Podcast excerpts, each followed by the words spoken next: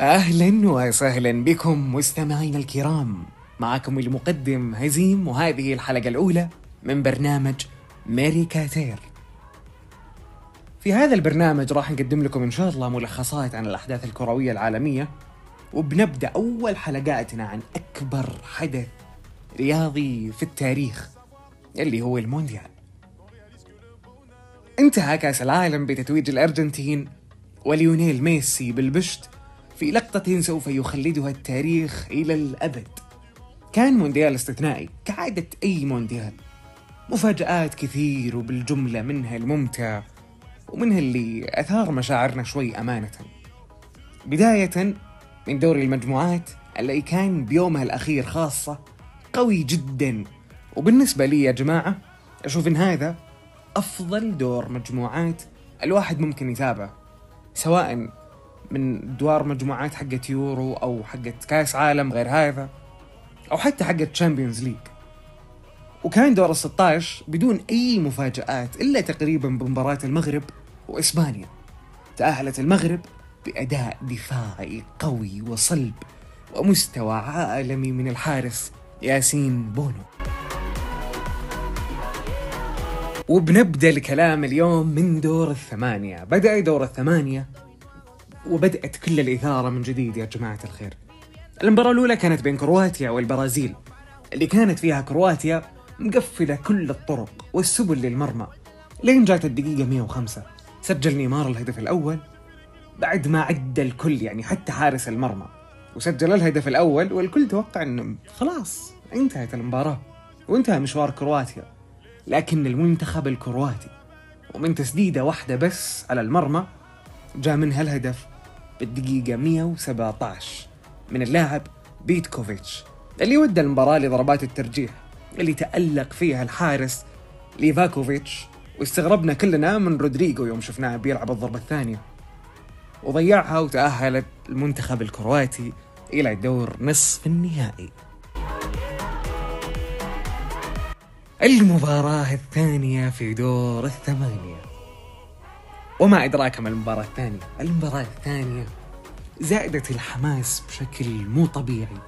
بين المنتخب الهولندي والمنتخب الأرجنتيني واللي انتهت بنتيجة 2-2 من assist عالمي من ليونيل ميسي يا جماعة لمولينا.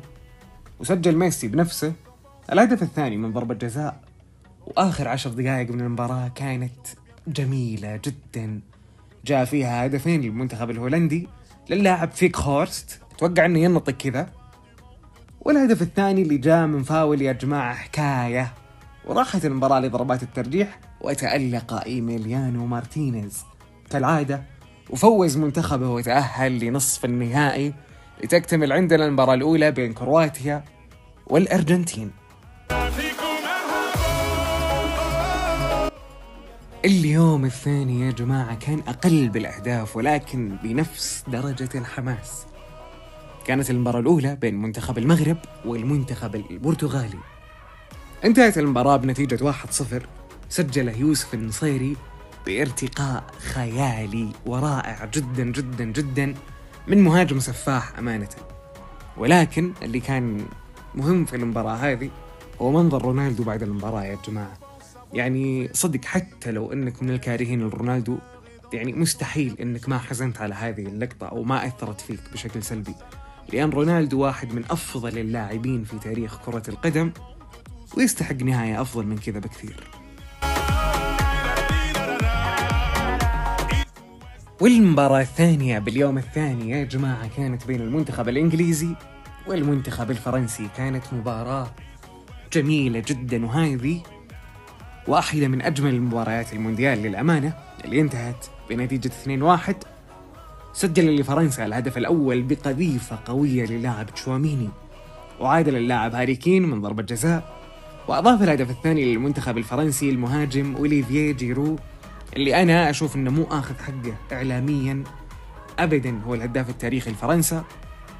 ويعتبر أو أعتبر أنه رد اعتباره بالمونديال هذا بما أن المونديال اللي راح فاز ولا سجل أهداف لكن بالمونديال هذا تقريبا عنده أربع أو خمس أهداف.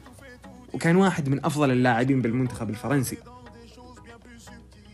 وضيع هاري كين بلنتي ثاني وضربة جزاء ثانية وأكثر شيء استغربت للأمانة بالمباراة هذه من المدرب ساوث جيت هو تبديل اللاعب بوكايو ساكا لأن بوكايو ساكا كان كان أفضل لاعب إنجليزي بالملعب. وصلنا للدور نصف النهائي وبدون أي مفاجآت في هذا الدور يا جماعة الأرجنتين تتفوق على كرواتيا بنتيجة ثلاثة أهداف نظيفة سجلها كل من ليونيل ميسي وهدفين للمهاجم ألفاريز. وبالمباراة الثانية تغلبت فرنسا على المغرب بنتيجة 2-0 سجلها الظهير الأيسر الرائع ثيو هرنانديز واللاعب كولو موانيه وتأهل المنتخب الفرنسي ليضرب موعدا مع المنتخب الأرجنتيني في واحد من أجمل نهائيات كؤوس العالم.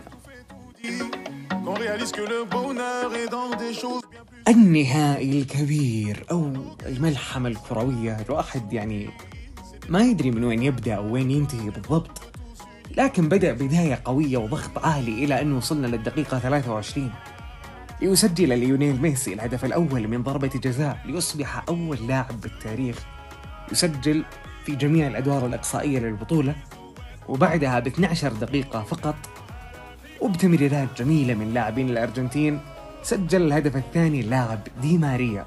وإذا اللاعب يا جماعة الخير مظلوم إعلاميا بشكل مو طبيعي لأنه دايم دايم موجود لكن ما ياخذ حقه من الكلام والإشادة.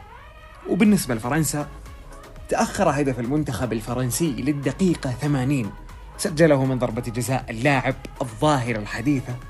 كيليان مبابي وبعد دقيقة واحدة فقط أضاف كيليان الهدف الثاني لتذهب المباراة للأشواط الإضافية.